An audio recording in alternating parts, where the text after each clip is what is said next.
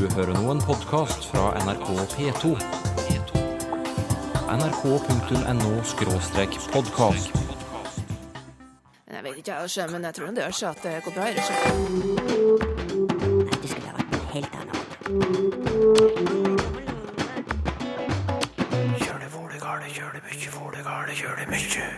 Noen ganger skjuler politikere seg bak utilgjengelige ord. Det beste eksempelet er jo eh, oljeboring i nord. Der har man begynt å snakke om konsekvensutredning. Man slipper å bruke ordet oljeboring. Forfedrene våre ga egne navn til steder ute i verden. Byen York det ble kalt Jorvik, og scenen blir kalt eh, Signa. Dialektuttrykk blir det også i dag. Hun er så toger at uh, unge mas ikke biter på henne. Det nærmer seg valg, og fram mot 9. september kommer politikerne til å prøve å overbevise oss om at akkurat deres parti har de beste løsningene. Men hva synes du om språkbruken deres? Man må jo prøve å liksom se litt hva som ligger mellom linjene i dette forskjellige politikerne sier, da, for det er jo litt vanskelig å tyde hva de egentlig mener i mange av de debattene som er. Et lite hjertesukk fra en av de mange unge velgerne som synes politikere snakker vanskelig. Åshild Mathisen, utviklingsredaktør i Vårt Land. Eh, Tidligere i år skrev du i en kommentar at det norske politiske språk ligger på et rallende dødsleie. Hva mente du med det?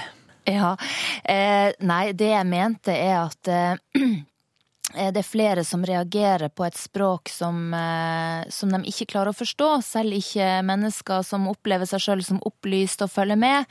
Hva er det som har skjedd da? Eh, mange vil kanskje tenke at eh, politikerne har blitt arrogant og fjern fra folk. Jeg tror det handler om frykt. Jeg tror at politikerne har begynt å benytte seg av et byråkratisk, teknokratisk språk fordi at det er deres trygghetssone. Hva mener du med det? Jo, det er trygt å snakke et byråkratisk språk, fordi da kan du ha med deg alle forbeholdene, og du kan snakke innenfor på en måte det politiske fagområdet sitt eget vokabular, sine egne ord. Eh, og det betyr jo at du fjerner deg fra å ha veldig klare og tydelige standpunkt, du kan ha med deg veldig mange forbehold, og da vil jo ofte du tilfredsstiller eh, kanskje en større gruppe av organisasjoner og fagfolk som på en måte forstår ditt språk, og som har påvirka ditt språk. Ja. De, ja, og de som da ikke forstår det, er jo vanlige velgere der ute. Eh, Men de lager jo ikke noe bråk. De bare trekker seg unna. De bare tenker hm, dette forsto ikke jeg. Mens hvis du benytter deg av et språk som folk forstår, så bruker du jo på en måte Da sier du med språket ditt tar du tydelig politiske standpunkt. Og da eh, blir det bråk. Ja, du, Før vi går videre på Ja. akkurat dette resonnementet ditt, har du et eksempel på det du vil eh, Ja, det, du, det du prøver å beskrive her nå, altså dette litt vanskelig tilgjengelige politikerspråket som vi i gåsehudene vanlige kanskje ikke forstår helt. Mm. Det beste eksempelet er jo eh, oljeboring i nord. Der har man begynt å snakke om konsekvensutredning. Ja. Og det som eh, har skjedd da, det er jo for det første at politikerne har skjøvet en vanskelig avgjørelse foran seg ved å si vi skal utrede konsekvensene. Altså man har på en måte lagt det over på et slags sånn faglig, byråkratisk nivå. Og man har også fjerna ordet. Altså man, har, man, har, man slipper å snakke om, bruke ordet oljeboring som gir deg assosiasjoner til eh, sjøen og fisken og oljen som på godt og ondt representerer en ressurs, og det representerer forurensning. Du snakker om konsekvensutredning. Det er jo et eh, kjønnsløst ord. Ja, ja, hva, gjør, hva, eh, gjør det, hva, gjør det med, ord- hva gjør det ordet med oss som hører det? Nei, jeg tenker at eh, det tar ut eh, konfliktpotensialet. Det fjerner de konkrete bildene. Det får folk til å på en måte miste grep om hva Fordi man føler på en måte ja, men eh, får jeg ikke vite hva er ja eller nei? Hvor- er på en måte skillelinjen mellom de menneskene som sitter og diskuterer på TV? Plutselig er det et språk som gjør at man på en måte kanskje tenker hm, er det jeg som ikke har fulgt nok med? Er det jeg som er dum? Sånn at du har på en måte løfta lista for hvem som kan følge med i den politiske debatten, fordi du har gjort den til en arena for de som kan feltet, de som behersker det. Og da blir det en diskusjon mellom veldig få mennesker i Norge. Men du sa i sted at politikerne bruker et slikt språk av frykt. De er redde. Hva er de redde for? De er redd for uh, offentligheten, for uh, mulige regjeringspartnere eller uh, de de samarbeider med i dag. hvis du er en politiker som snakker rett fra levra, og dem er det ganske få av i dag Per Olav Lundteigen i Senterpartiet er et eksempel på en som snakker fra levra. Det vil jo si at du bruker et språk der du på en måte er veldig tydelig på hvilke verdier du står for. Der du på en måte du har et veldig farga språk. Det er svart og hvitt, og det er ja og nei, og det er denne retninga vil jeg ha samfunnet i. Og, og, da må du være beredt på å bli kalt inn til Dagsnytt 18 og, svare på ok, hva vil disse regjeringskollegaene dine si til dette, da? Du vil eh, få organisasjoner på nakken. Eh, du, altså, du, du er nødt til å på en måte ta krigen, da. Fordi du er ikke lenger pragmatisk og tilbaketrukket. Du har stukket hodet frem mm. i offentligheten. Og det i dagens mediesamfunn så er jo det ekstremt krevende. Du skal jo være utrolig rutinert for å takle det. Eh, så jeg tror mange politikere tenker så ondt vil ikke jeg meg sjøl. Jeg går i det trygge språket der eh, majoriteten ikke forstår hva jeg sier, og media syns jeg er uinteressant. Ja, Hva oppnår de da? Eh, nei, de oppnår jo eh, fred og ro, og hvis de er dyktige, så kanskje de velger saker der de altså, tenker her bruker jeg det pragmatiske politikerspråket, sånn at jeg blir ufarlig der, og så kan jeg velge å markere meg på det som kler mitt parti, og som passer meg. Og dermed så har du på en måte både du profilerer deg der det passer deg, og så er du maktsøkende i andre, dine kollegers øyne, så er du på en måte så pragmatisk at du også kanskje kan få en statsrådpost. Ungdomspolitikerne våre, mm. hvordan er det med språket deres? Er det like ille? Nei, absolutt ikke. Og for å snakke om språk så må man alltid forklare Altså, jeg tenker at politikk og språk går hånd i hånd. Og hvis du er pragmatisk og på en måte forsvare det bestående, og du har mye eh, nyanser du har behov for å ta vare på, kanskje fordi du søker makt sammen med andre, da blir språket deretter. Det blir fargeløst. Men det som jeg ser med ungdomspartiene nå, ganske jevnt over med unntak av AUF, det er at de er i ferd med å eh, bli mer eh, liberalistisk og mer blå. Og det eh, liberalistiske trekket, det er det nye radikale. Og hvis vi tenker på radikaliteten fra 70-tallet, da tenker man jo på en måte på en tydelighet. Tydelig gruppe med tydelig språk, noen som slåss for noe, som vil forandre samfunnet. Og det samme ser vi i dag, men den nye radikaliteten er liberalismen. Så ungdomspartiene i dag, dem er Altså dette handler jo om at det er veldig flinke politikere som tør å være tydelig, som tør å bruke et språk som slår inn i offentligheten, som sier veldig tydelig hva man mener.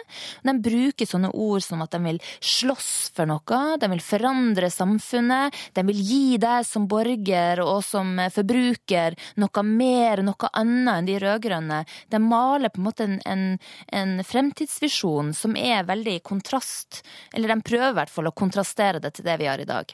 Og det gjør at de blir veldig profilert, og at språket blir tydelig. Så jeg tror eh, Og de tør å ta den fighten at de kanskje lager problemer for sine partiledere, for moderpartiet, som da må svare til media Oi, er det dette dere skal gjøre? Ikke sant? Og så må de på en måte trekke det litt ned og inn i byråkratspråket, og nei da, og dette skal vi forhandle om, og dette ligger Ikke sant? Så jeg tenker at eh, ja, Språket ligger på et dødsleie, men det er ungdommen som kan eh, treffe, tror jeg, i valgkampen, og som kan engasjere ungdom til å stemme. For det er jo ungdommen man mister først med det byråkratiske språket. Men hva skjer med det klare og forståelige språket til disse ungdomspolitikerne når de en gang blir ministre og statssekretærer? Ja, det var det, da. Åshild Mathisen er utviklingsredaktør i Vårt Land.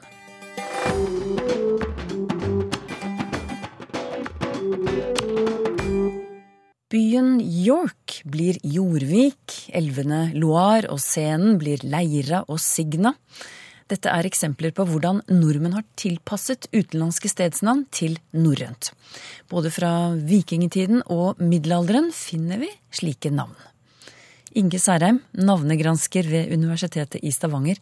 I hvilke sammenhenger hadde forfedrene våre behov for å gi egne navn til utenlandske steder? Ja, de reiste jo mye med skip til fjerne kyster. Og de ta, måtte tale om disse plassene, og de skrev òg. Det var en litterær kultur, så det er skrevet saga og mye historieskrifter ifra disse landene som de kom til. Og så bosetter de seg der òg, og da har de behov for å bruke, bruke navn. De kunne jo bare brukt de lokale eh, navnene? Ja, og det gjorde de i grunnen en del òg. For det fantes jo gamle navn i disse områdene som de òg nytta seg av. Men da ga de de ofte ei, ei form som passte med den norrøne, det norrøne språksystemet. Ja, Hvordan gjorde de det når de laget nye navn? Ja, det ser ut som de i noen tilfeller tilpasste navnene språklig til, til, sitt eget språk. For eksempel byen York, som da Det ble kalt Jorvik av vikingene. Og når de kom der, så var nok det den plassen ikke kalt York, men på gammelengelsk Euforvik. Så der har de tatt et, et gammelt engelsk navn og, og tilpasset det til ei norrøn form, der vi iallfall kjenner igjen siste leddet, Vik, som tyder vik. Men i det gammelengelske navnet så, så tyder Vik antagelig gard, det har et annet innhold. Og første leddet eufor betyr svin eller villsvin. Men det er ikke det, faktisk ikke det gamle engelske navnet der som er det eldste. Det fins òg et, et, keltisk navn som er eldre, og, og det lyder eborakon. Og det der betyr første leddet barlind, antagelig barlindeiendommen. Så her ser vi hvordan et navn har gått fra en språkkultur til en annen, og så til en tredje. Når de skulle lage nye navn, hadde de ulike måter å gjøre det på, eller fulgte de de samme mønstrene hver gang? Nei, de, de I noen tilfeller så tilpasset de navn og språklig. Og de andre eksemplene som du nevnte, altså Loire blir kalt Leira. Og scenen blir kalt eh, Signa. Og Leira ser jo ut som et sånn norsk elvenavn. Det finnes mange plasser det navnet Leira. Og, og scenen, da? Scenen, ja. det Signa Jeg kjenner ikke til at det fins i Norge, men, men selve forma passer godt med norsk eller norrøn språkstruktur. Og en finner lignende elvenavn, f.eks. Sigma, som ligger føre i Sigdal. Men de har nok gått ut ifra former som var i bruk når de kom til, til Frankrike, f.eks. Så scenen har Der finnes det gamle former, sequana på latin, men så sigona og signe og sen. Så du, du har ei, ei, utvikling av den navneformen òg, altså det elvenavnet, mm. som jo er veldig gammelt. Og tilsvarende for Loire. Har du andre eksempler på norrøne stedsnavn uh, ute i verden? Ja, det, det er òg interessant å se på, på navn på de britiske øyene. Eksempel øynavnet Man i Irskesjøen, uh, som på norrønt ble mån, og mån det er et gammelt norsk ord som betyr manke, eller faks på en hest. Og det fins i en del eh, norske stadnavn, ofte brukt om en fjellformasjon. Og så her kan det se ut som de har tilpasset det til, til, et norsk, eller et norrønt ord. Men dette øynavnet er òg veldig gammelt, og det fins form på latin, monapia, for eksempel. Så det har funnes lenge før vikingene kom der. Mm. Og tils, tilsvarende gjelder navn som Hjaltland, brukt om Shetland. Orknøya, brukt om Orknøyene. Og for eksempel uh, Ljådhus, som de kalte de kaller Louis på, på hebridene. Altså navneformer som, som fantes når vikingene kom der, men der de tilpasset navnene til sitt eget språk. Men disse stedsnavnene fra vikingtiden og middelalderen, er noen av dem i bruk i dag? Ja, det finnes tusenvis av stadnavn med norrønt opphav på, på, de britiske øyene, og mange òg i Normandie, eksempel. Eh, jeg har sett eh, forskere som da mener at eh, ca. 90, eller mer enn 90% av stadnavnene på Shetland og Orknøyene har norrønt opphav. Har du noen, noen eksempler på, på norrøne navn som er i, i bruk eh, fremdeles? Ja, du finner f.eks. alle disse her gamle navnetypene. Ikke alle, men du finner mange av de gamle gardsnavntypene. F.eks. navn på land, Hamarsland på Shetland, Litlaland på Shetland, Holland, Nord-Skottland. betyr Haaland, altså høg, høytliggende gard. Du har navn på stad, Skeggerstad, f.eks. på hebridene, Ballestad på Shetland. Og navn på by eller bø, for eksempel, på Ja. Man, og mange flere. Men hvorfor har de beholdt de gamle norrøne navnene, da? Hvorfor har de gjort det? Der bodde folk som, som, eh, som snakket norrønt lenge på, på flere av disse plassene, eksempel på Shetland og Orknøy, til langt ut på 1700-tallet. Så da var, var det helt naturlig at det var de norrøne navneformene som var i bruk, og at de ble ført videre, og, og fikk si spesielle form ut ifra den lokale dialekten. Ja, har du noen eksempler på hvordan da lokalbefolkningen har tilpasset det norrøne navnet til sitt eh, språk igjen, for å bruke det videre? Ja, av og til kan en se hvordan de har prøvd å forklare hva et navn betyr, eller hva det er navn på. For eksempel på hebridene, helt nå på ytterhebridene, finner en, finner en eh, navn på små innsjøer som heter Loch Langavat og Loch Breivat. Og vi som eh, snakker norsk, forstår hva Langavat og Breivat betyr, altså Langavatnet og Breivatnet. Men når de, snakker, de som har snakket keltisk, har nok ikke forstått det. Og så har de sett til ordet loch for å forklare hva dette her er for noe, hva det er navn på. Ja, for loch, det betyr Det betyr vatn. Det fortalte Inge Særheim, navnegransker ved Universitetet i Stavanger. Knape, det er et av dialektuttrykkene vi tar for oss i dag, Tor Erik Gjenstad. For Knut Harg, han har lest bøker om livet i Nord-Norge i gamle dager, og der har han blant annet funnet ordet knape, brukt om en formuende mann. Hvor kommer ordet fra, spør Knut Harg. Ja, eh, knape. eh, Du har det jo eh, allerede i norrønt. Knapi. Og der betyr det tjener hos en stormann. Men det er jo lånt inn dit ifra lågtysk, middellågtysk. Og det betyr jo vanligvis en rik eller mektig mann. Eh, Ivar Aasen fører opp at det kan òg bety en mann eller en kar i det hele. Og Norsk riksmarsjordbok eh, har det om en væpnar. Da er det jo historisk igjen, de har det fra Sigrid Undset. Og det er vel faktisk samme ordet som det tyske knabe. Gutt. Gutt, ja, ja da. Fra gutt og til tjener, væpnar, så er det jo ikke så lang, lang vei.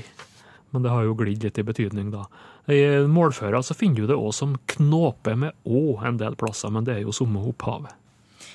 Marianne Kaldestad er innflytter til Modum, og der er det forskjellige ord som hun syns er spesielle, blant annet ordet toger, eller tøger, som hun skriver betyr tålmodig eller utholdende. Hva kan du si om eh, det ordet?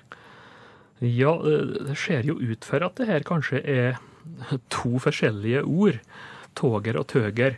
Toger, eh, det har vi fra før og fra Modum Sherry, om eh, det betyr at en finner seg til mye, altså at en er tålmodig. Men det går videre, i det her øst, sentrale østlandsområdet. Romerike, Ringerike, Asker, og også bymål som Drammen og Hønefoss er det faktisk registrert det her eh, toger i slik betydning.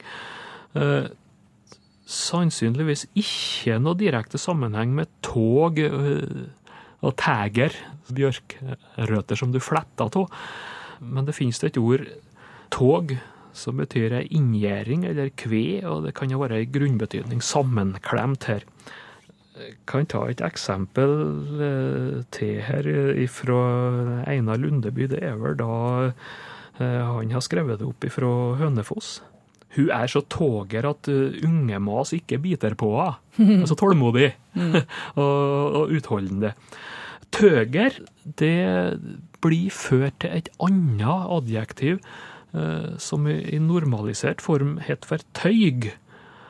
Og det betyr jo da Kan bety seig og utholdende. Så det ser ut for at det er to forskjellige ord som på en måte har kobla seg opp i, i, dialekten i Modum, da. Mm. Og så uh, har Marianne Kaldestad et uttrykk til hun vil at vi skal kommentere. Hun sier moingene går ikke gjennom døra, de går imellom døra. Og det har hun aldri hørt noen andre steder. Lurer på hvorfor de sier det sånn. Ja, uh, Hvorfor? Det er kanskje litt vanskelig å svare på, men det, mellom har iallfall fått betydninga gjennom i et område her. Og Nedre Buskerud det er, er nettopp det, også registrert fra Sigdal, og Nedre Telemark. Og det er f.eks. fra Kongsberg her så er et sitat, eh, dialektprøve, å bla, bla mellom aviser. og det er jo litt rart. For Grenland har jeg hørt en talemåte at det her møen skal imellom altså skal, skal gå gjennom. Eh, nei, det kan være en sammenheng der det kan liksom ha spora av, det er, hvis du tenker det, setningen i den situasjonen, at han, han sprang mellom buskene. Og det kan da bli tolka som at han faktisk sprang gjennom krattet. At det er der kanskje du har opprinnelsen til at det har delt seg og glidd i vei eh, i betydning. Da. Men det finnes jo andre eksempel på at preposisjoner eh, kan få nye betydninger. Og, og det her med gjennom, eh, det har et eksempel fra Lierne. Der har gjennom da har uttalevarianten gjønning.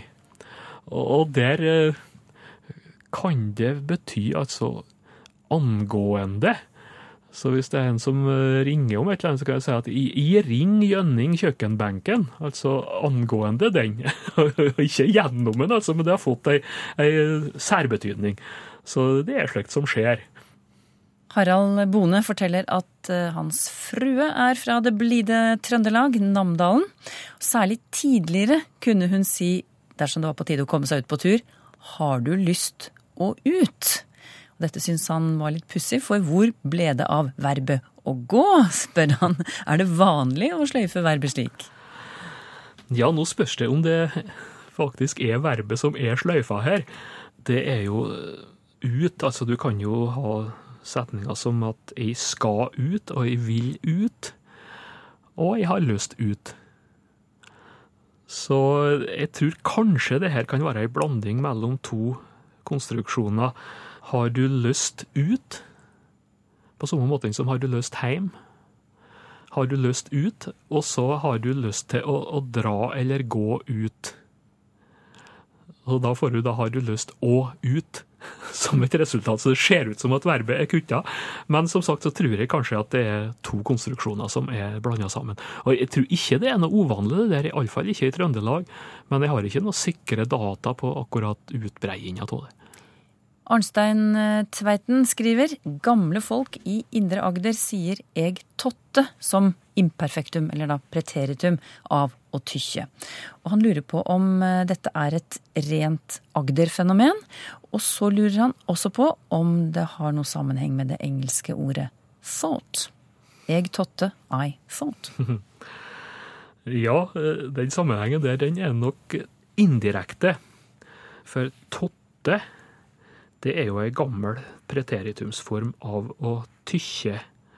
Og det heter jo thotti i norrønt. Og det går ganske vidt i dialektene. Det er ikke bare Agder, altså. Totte eller tøtte.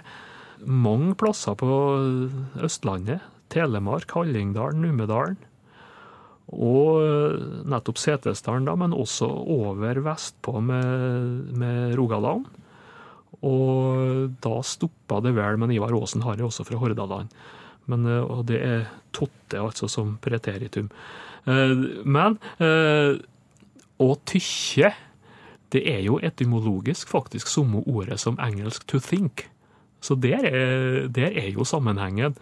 Men det er altså ikke noe direkte sammenheng mellom substantivet 'thought' om tanke i engelsk og preteritumsforma totte, men det er samme ordrota. Men han har jo et ord til her, uh, Arstein Tveiten, uh, ja, som har en mulig sammenheng med engelsk. Og løyve? Ja. Hva kan du si der? Ja, og, og løyve om å uh, spare, holde tilbake, etterlate f.eks. noe mat, som han skriver. Han løyvde noe av middagen.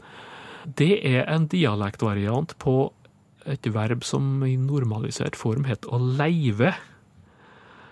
Så det har fått øydiftong mange plasser på Vestlandet. Men det der er jo går tilbake til norrønt, og det er etymologisk samme ord som engelske 'to live'. Så du, du lar et eller annet bli att. Enten du, du forlater det, slik som det betyr på engelsk, eller du legger det att på tallerkenen, slik som du gjør på norsk. Men det, det er snakk om, også i tilfellet her, om gammel felles språklig arv, altså neppe noe lån imellom språkene.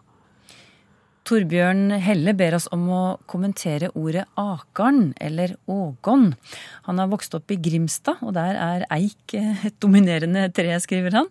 Og på skolen lærte han at eikenøtter på gammelnorsk het Akarn. Og så husker han fra barndommen sin en gammel dame. Hun sa ågon om eikenøtter. Og det ordet har han aldri hørt noen andre bruke. Men har du hørt det, Tor Erik? Nei, jeg har jo ikke det. Der jeg kommer fra, så er det ikke noe voldsomt mye eik, akkurat.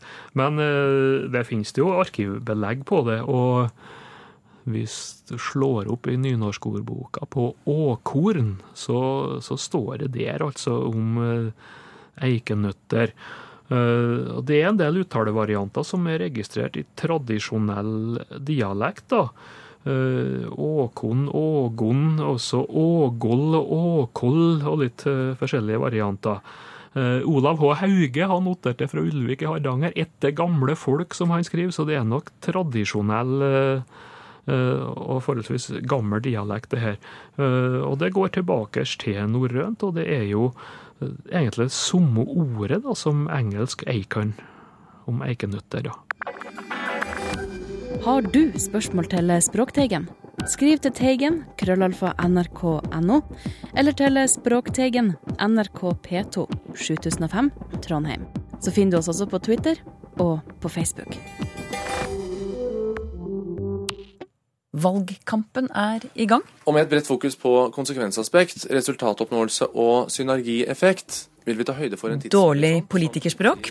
Språkteigen etterlyser dine eksempler på Tåkeprat, tilslørende ord og snikksnakk. Send til teigen krøllalfa nrk.no, og så blir det premier for de bidragene som kommer med i Språkteigens valgsending 1.9.